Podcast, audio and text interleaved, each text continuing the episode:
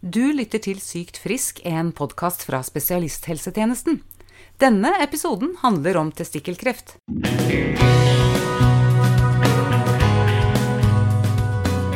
Når du får testikkelkreft med spredning og skal ha behandling med cellegift, er det mange spørsmål som melder seg. Overlever jeg? Hvordan vil jeg tåle cellegiftbehandlingen? Kan jeg ha sex? Kan jeg få barn? Hvordan blir livet etterpå?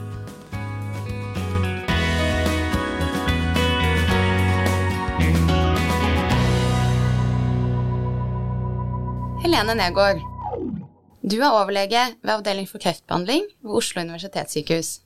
Og vi, André Korneliussen og jeg, Astrid Beril, jobber i samme avdeling. Og vi skal sammen finne svar på noen av disse spørsmålene. Hva er testikkelkreft? Testikkelkreft er en ondartet svulst i testikkelen. Astrid, eh, hvor mange får testikkelkreft eh, i Norge hvert år? Det er ca. 300 menn i Norge som får testikkelkreft, og ca. 80 av disse har spredning av sykdommen. Sjokket er stort når man får beskjeden om at man har fått testikkelkreft, og dette gjelder både for pasienten og for pårørende. Det er ikke sjelden at man stiller seg spørsmålet om man kunne gjort noe annerledes. Kunne man det? Kunne man f.eks. ha oppsøkt lege tidligere? Testikkelkreft rammer menn nokså tilfeldig, så det er oftest ikke noe pasienten kunne gjort for å unngå å få testikkelkreft. Testikkelkreft kan gi lite symptomer, og det vanligste er en kul testikkel. Det er jo derfor viktig å gå til fastlegen hvis man kjenner en forandring. Eh, men hva hvis man eh, får spredning av sykdommen? Testikkelkreft med spredning kan gi lite symptomer. Så pasienter kan merke veldig lite, kanskje ingenting. Eh, og det gjør også at sjokket blir veldig stort.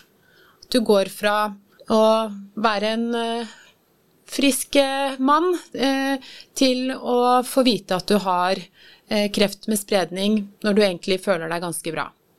Noen lurer på om man kunne oppsøkt lege tidligere. Spredning av testikkelkreft kan allerede skje på et veldig tidlig tidspunkt i kreftutviklingen. Så selv om du som pasient hadde kontaktet lege noe tidligere, så er det ikke dermed gitt at du ikke ville hatt spredning av sykdommen. Når du først har fått testikkelkreft med spredning, så er det jo mange bekymringer du har uansett, som gjelder fremtiden. Så det kan være lurt å heller fokusere på hva som skjer fremover, enn å dvele mye med hva du kunne kanskje gjort annerledes. Det er ikke din skyld at du har fått kreft. Og det viktige videre er jo dette med prognose, fordi det er første, ofte det første spørsmålet som melder seg når du får diagnosen. Blir jeg frisk? Heldigvis så er det sånn at sjansen for å bli frisk av testikkelkreft i Norge er veldig, veldig god.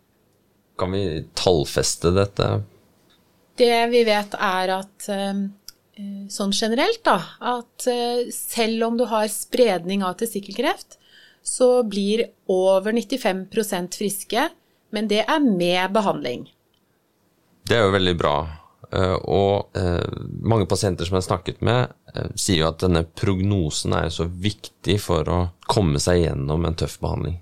Og vite at man blir frisk.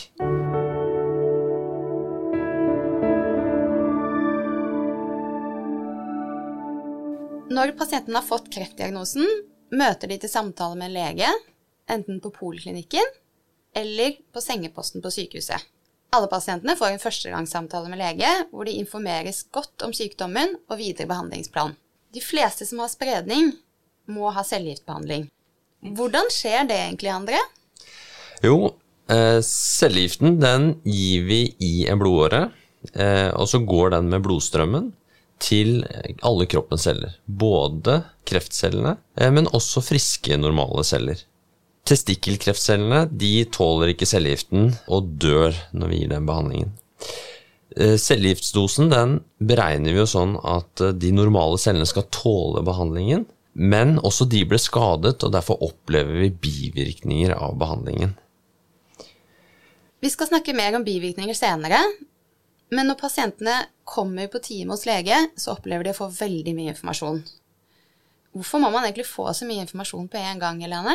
Det er jo viktig at alle pasienter er godt informert om behandlingen og bivirkningene de kan oppleve. Det er da faktisk sånn at vi som helsepersonell er pliktige til å gi denne informasjonen. Jeg skjønner veldig godt at det kan bli mye informasjon, og det rådet jeg ofte gir til pasientene, er at eh, de bruker den skriftlige informasjonen de får som et slags oppslagsverk, da, sånn at eh, når de lurer på noe senere, at de da kan eh, se gjennom Når jeg har disse plagene, da er det disse rådene jeg får. Vi som helsepersonell forventer ikke heller at pasienten skal klare å få med seg alt. Så vi vil gjerne at man i ettertid spør på nytt igjen. For vi, det er ikke noe problem å spørre om ting du vet du egentlig har fått informasjon om, men du vet du har glemt. For vi vet at du kommer til å glemme det. Kan du si, eh, når man har snakket med flere pasienter, om at de eh, i starten så mister de oversikten, men de sier at eh, jo mer de kommer inn i behandlingsforløpet, så får de oversikten tilbake igjen, og de, de har god kontroll på, på behandlingsforløpet. Og det er helt greit å stille spørsmål om og om igjen. Så er det også viktig når du da får muntlig informasjon, når du stiller spørsmål og får svar på det du lurer på muntlig, så kan det hende at de ordene som lege eller sykepleier bruker, ikke er forståelige for deg. Når man blir pasient, så hører man plutselig mange nye ord som man aldri har hørt før i sitt liv, og vi som helsepersonell kan glemme oss å da bruke de ordene når vi snakker med deg. Så det, hvis du ikke skjønner hva vi sier, så spør. Når du får den kreftdiagnosen, så er man jo nå Alt er jo veldig tilgjengelig. Man er fort oppe på mobil eller på, på PC-en og søker på nett. Bør man gjøre det, Helene? Ulempen med å søke på nett er at uh, det er lett å finne informasjon som enten ikke stemmer lenger, ikke lenger er oppdatert, og at man eh, da bare blir mer forvirret. Sånn at det man egentlig søker, er informasjon som gjelder deg, men du ender opp med informasjon om noe helt annet, og at du blir mer forvirret i stedet for at du blir trygg. Så mitt beste råd er at du forholder deg til den skriftlige informasjonen du har fått på sykehuset om din behandling og din sykdom. Det kan også være vanlig å kjenne at det å komme på sykehus føles veldig fremmed. Eh, det å se andre syke kreftpasienter på den avdelingen man skal være på, gjør kanskje at man tenker Kommer jeg til å bli like syk? Kommer min pårørende til å se så syk ut? På en kreftavdeling så er det pasienter med mange ulike typer kreftsykdom. Og testikkelkreft er jo den krefttypen med aller best prognose, selv når det er spredning av sykdommen. Så når man ser skrøpelige pasienter som ser eh, dårlig ut, så kan det være lurt å minne seg selv på at sannsynligvis er det en person som har en helt annen type kreftsykdom, men at det gjør eh, inntrykk å se alvorlig syke personer, det forstår jeg godt, altså.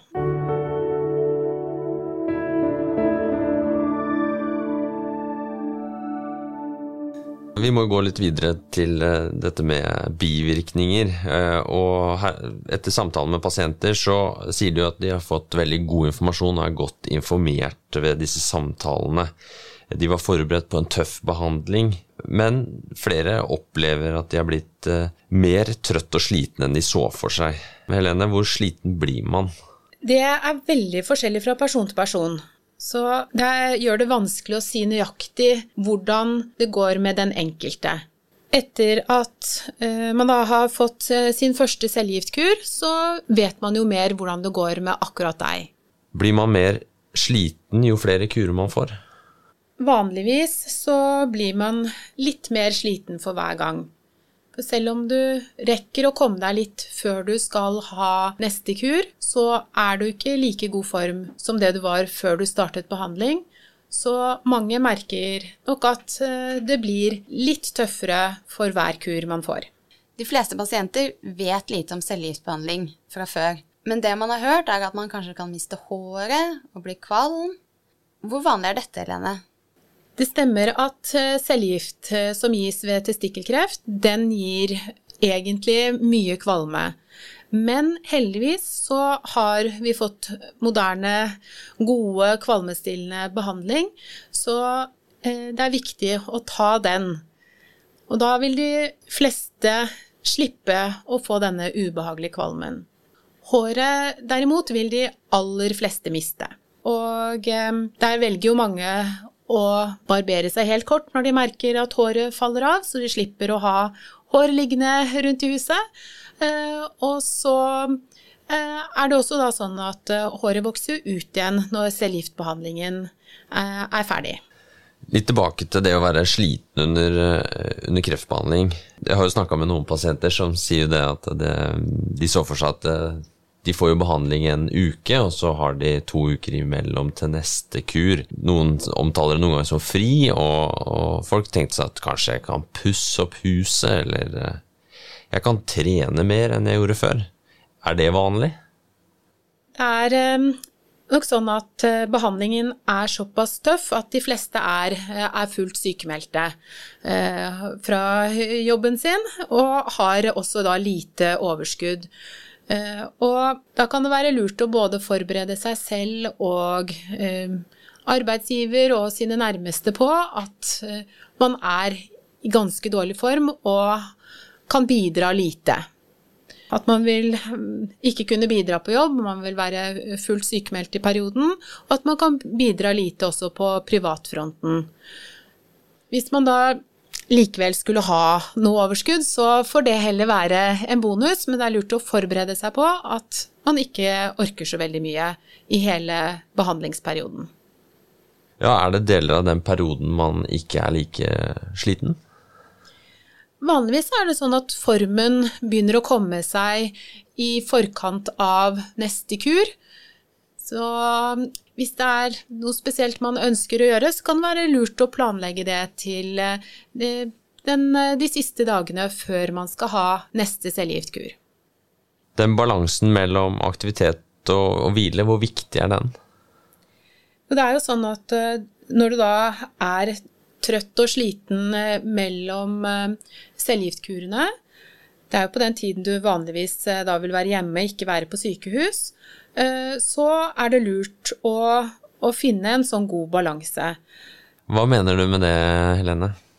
Jo, det jeg tenker er at um, det er lurt å, å, være i aktivitet. Um, kanskje gå seg en tur. Um, og så må man rett og slett lytte litt til kroppen. Hvis man kjenner at i dag har jeg en god dag, så kanskje du kan gå en litt lengre tur, og, eh, og kanskje gå litt eh, raskere. Eh, mens hvis du kjenner at du har en dårlig dag, så skal du tillate deg selv å hvile. Ikke presse deg selv til å gjøre mer enn det du orker.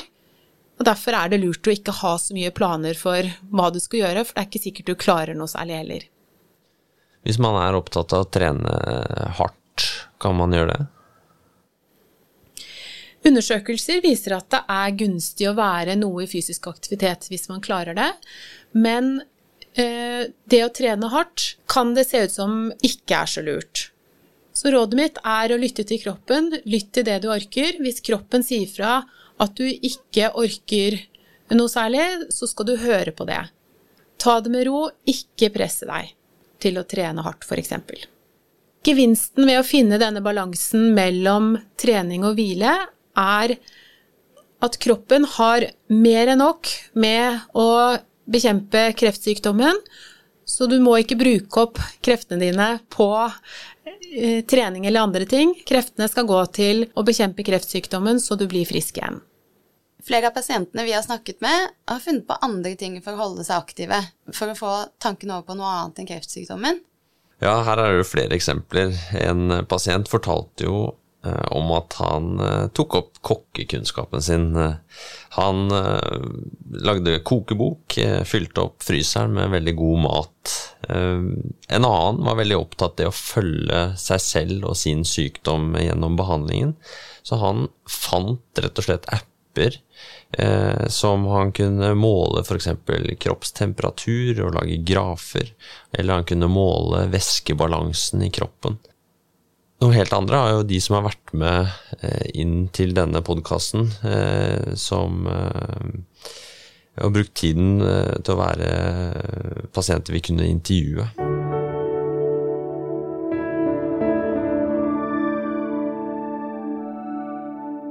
Både pasienter og pårørende lurer på om man kan ha fysisk kontakt med andre.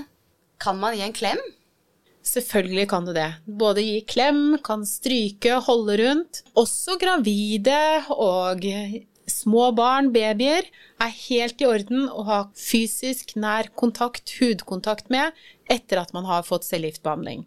For å unngå infeksjon så er det jo viktig med god hygiene, og så er det lurt å unngå nærkontakt med personer med smittsom sykdom, men ellers vil eh, all fysisk kontakt være helt trygt og i orden. Kan man ha sex, da? Du kan være seksuelt aktiv i behandlingsperioden. Det er sånn at i sædvæsken så er det eh, minimale mengder med cellegift, så Samleie etter cellegift gir liten risiko for partner. For å være helt på sikre siden så anbefaler vi at man bruker kondom de første tre til fire eh, dagene etter avsluttet eh, cellegiftbehandling. Det er heller ikke farlig for deg som eh, pasient å ha sex etter cellegift.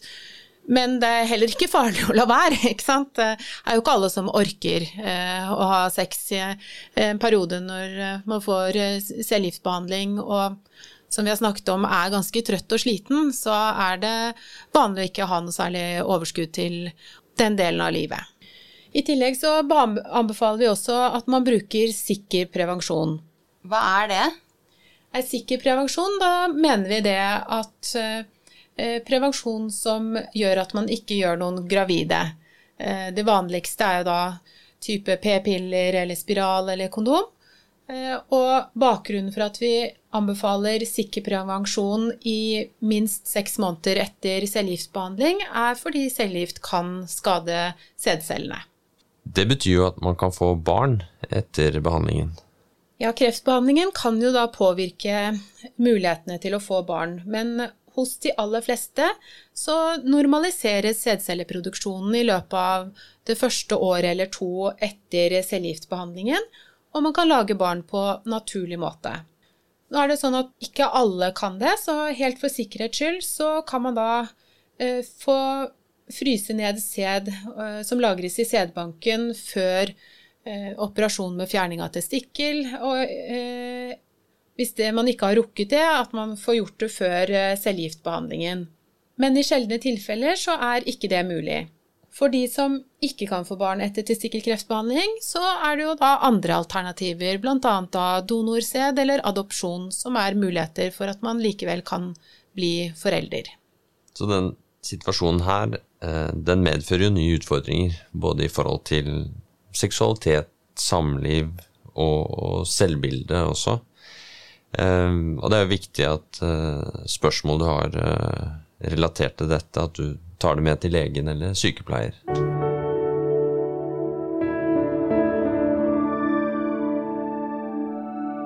Mange pårørende lurer på hvordan man skal forholde seg til at den man er glad i, har blitt syk. Eh, flere av de pårørende vi har snakket med, føler seg maktesløse. Man kan føle at man mister kontrollen over situasjonen, og følelsen av uforutsigbarhet kan bli stor. Da er det jo mange som vil føle seg tryggere når de får informasjon om planlagt behandling og eh, både selve behandlingen og bivirkningene og planene for hva som skal skje når. Eh, men fortsatt så er det jo en del forutsigbarhet, at det kan oppstå eh, ting underveis, eller at eh, man må endre behandlingsplan underveis.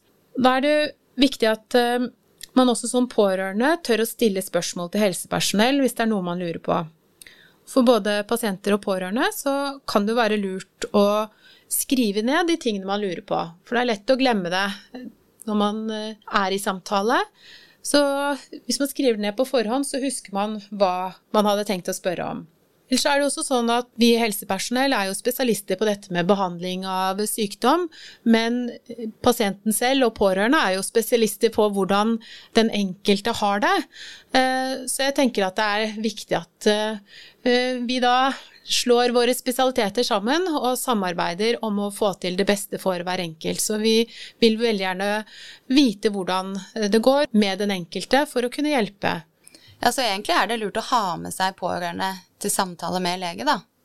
Det anbefaler vi jo. Lurt på, Da er det flere som husker hva eh, man lurte på, og så er det flere som har hørt eh, informasjon som er gitt, så man kan minne hverandre på hva som har blitt sagt.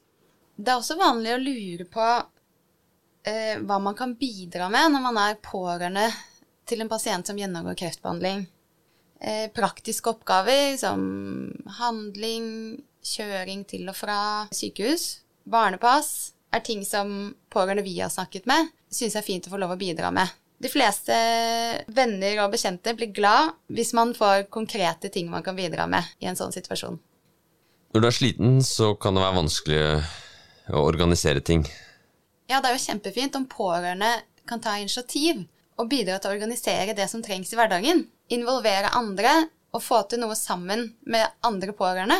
Og pårørende er jo ikke bare partner, det er jo eh, både venner og familie, arbeidskollegaer, som alle sammen gjerne vil bidra. Så det er fint å bruke alle de mulighetene som er, og i tillegg til at pasienten får hjelp til det den trenger hjelp til, så gir du andre personer mulighet til å vise sin omtanke og omsorg til deg på en konkret måte. På den andre siden så Eh, sier jo pasientene at de eh, opplever at pårørende kan ha det vanskelig også i denne situasjonen. Eh, hvem kan de snakke med? Vi anbefaler at pårørende snakker med fastlegen når man er i en vanskelig situasjon som dette. Eller så finnes det også noe som heter kreftkoordinator i kommunene, som kan være en god støtte både for pasientene og for de pårørende. Undersøkelser har vist at mange pårørende faktisk har det kanskje vanskeligere psykisk enn pasienten. Pasienten er fullt opptatt med å få kreftbehandlingen, mens pårørende står litt sånn maktesløse ved siden av. Så det er jo en eh, stor eh, belastning på eh, familie når kreftsykdom rammer. Eh, så det er viktig å få den hjelpen man kan, så man kan være den støtten man ønsker å være for pasienten.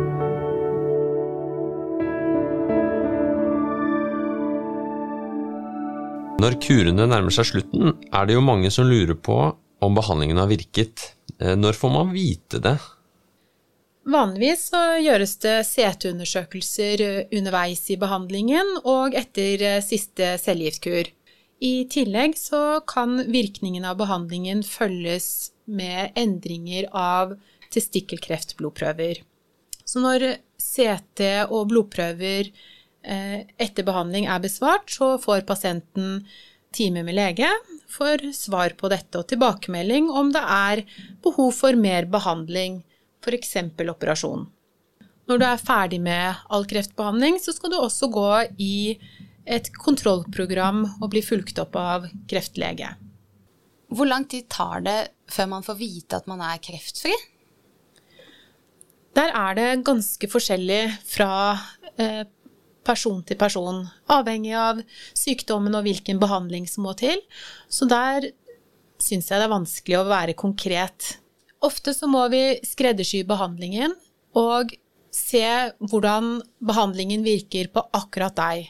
Og da kan vi si noe om tidsperspektivet av behandlingen for akkurat deg. Når man er ferdig behandlet for sykdommen, er det mange som spør seg eh, hvor går veien videre? Eh, noen kan kjenne på en tomhet. Eh, dagene har vært fylt med behandling, undersøkelser, og plutselig så er det nå mye roligere. Man er endelig ferdig, men allikevel er det mange som ikke kjenner seg som den samme som man var før behandlingen startet. Kan jeg forvente å bli i like god form etter behandlingen som jeg var før behandlingen? Det er jo vanlig å føle seg tappet for energi under behandlingen, at man er sliten, og det tar tid å komme tilbake til formen man hadde før behandlingen er startet. Og i den perioden også etter behandlingen så er det viktig å lytte til kroppen og sette egne grenser. Eh, de aller fleste blir tilbake i sin vanlige form igjen, eh, men kanskje blant de aller sprekeste så merker man at eh, man ikke er like sprek som man var før behandling. Når det gjelder den tomheten, så er det ikke så rart, for dagene har i noen måneder da vært fylt av behandling, eh, undersøkelser, prøver, og plutselig så er det ingen planer i kalenderen, og du er fortsatt eh, fullt sykemeldt, eh, og du har ikke så mye overskudd. Så selv om du da, dette egentlig er en dag du har lengtet frem til, at du endelig er ferdig med behandling, så kan den føles veldig, veldig tom. Og det kan være greit å være forberedt på det, at det kan føles litt tomt, og at det er en eh, ikke uvanlig situasjon, og ikke uvanlig å kunne føle seg på den måten. Når man er ferdig med behandling, blir fokus å komme seg. Det finnes uh, ulike tilbud om kreftrehabilitering, både som dagtilbud og opphold, individuelt og i grupper. Man kan f.eks. få tilpasset et treningsprogram og snakke med profesjonelle om hvordan man skal mestre stress, hverdagslivet og vanskelige tanker. Hvis du kunne tenke deg rehabilitering, så kan du spørre enten lege eller sykepleier på sykehuset eh, om hvilke tilbud som kan passe for deg, og også fastlegen kan henvise deg til kreftrehabilitering. I den perioden når du skal komme deg etter behandling, så anbefaler jo det at du trener deg opp gradvis og vår erfaring er at en ikke må presse seg selv for hardt for tidlig. Jeg pleier ofte å si at hvis du er utålmodig etter å komme deg, så er mitt beste råd å være litt tålmodig. Ta det gradvis. Så viktig å huske at å trene seg opp etter cellegiftbehandling tar mer tid enn å trene seg opp etter en eh, treningspause. Når kan jeg begynne å jobbe igjen? Når eh, formen din kommer seg etter behandling, så er det aktuelt å begynne å tenke på å komme seg tilbake i jobb igjen og tilbake til sin eh, vante hverdag. Og ofte er det da lurt å starte med å holde kontakten med arbeidsplassen mens du er sykemeldt, så liksom terskelen for å komme tilbake ikke blir så høy. For de fleste pasienter så kan det være lurt å begynne forsiktig, f.eks. For to halve dager i uken, og så heller etter hvert øke arbeidsandelen etter hvert som man merker at formen kommer seg. At man ikke da bruker opp alle kreftene på de to halve dagene. Og hvor fort man da kan begynne å jobbe igjen, og også hvor fort man kan øke jobbmengden, avhenger av både hvor dårlig du er etter behandling og hvor fort du kommer deg, eh, hvilke plager du har etter behandling, og hva slags type arbeidsoppgaver du har. Vurdering om, eh, om opptrapping av arbeid, hvem, eh, hvem, bestemmer det? Ofte så eh, er det da fastlegen som sykemelder videre i rehabiliteringsfasen. For fastlegen kan da følge tettere hvordan formen din utvikler seg, og hvordan det går når du starter tilbake i jobb igjen. Vi har snakka om sjokka for kreftsykdom, tøff behandling, flere bivirkninger. Er det noen fordeler av den behandlingen her? Hovedfordelen med å få den eh, cellegiftbehandlingen, det er at du blir frisk av en sykdom som ellers ville vært dødelig. Og i tillegg så halverer du faktisk risikoen for å få kreft i den andre testikkelen.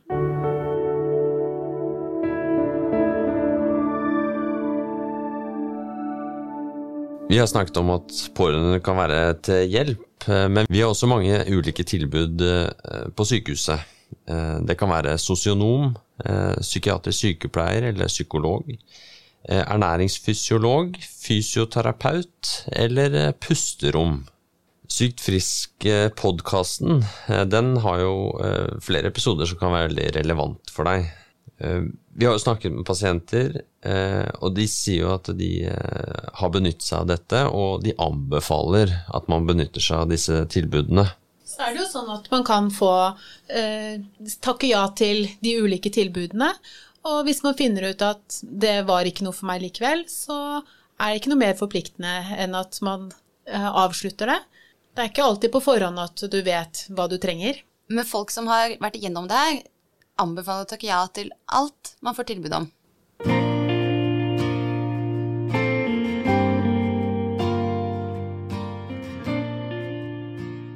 Cellegift for testikkelkreft med spredning er tøft for pasient og pårørende. Men heldigvis er behandlingen effektiv, og målsettingen med behandlingen er at du skal bli helt frisk av testikkelkreft. Ta imot den hjelpen du kan få, og spør om det er noe du lurer på.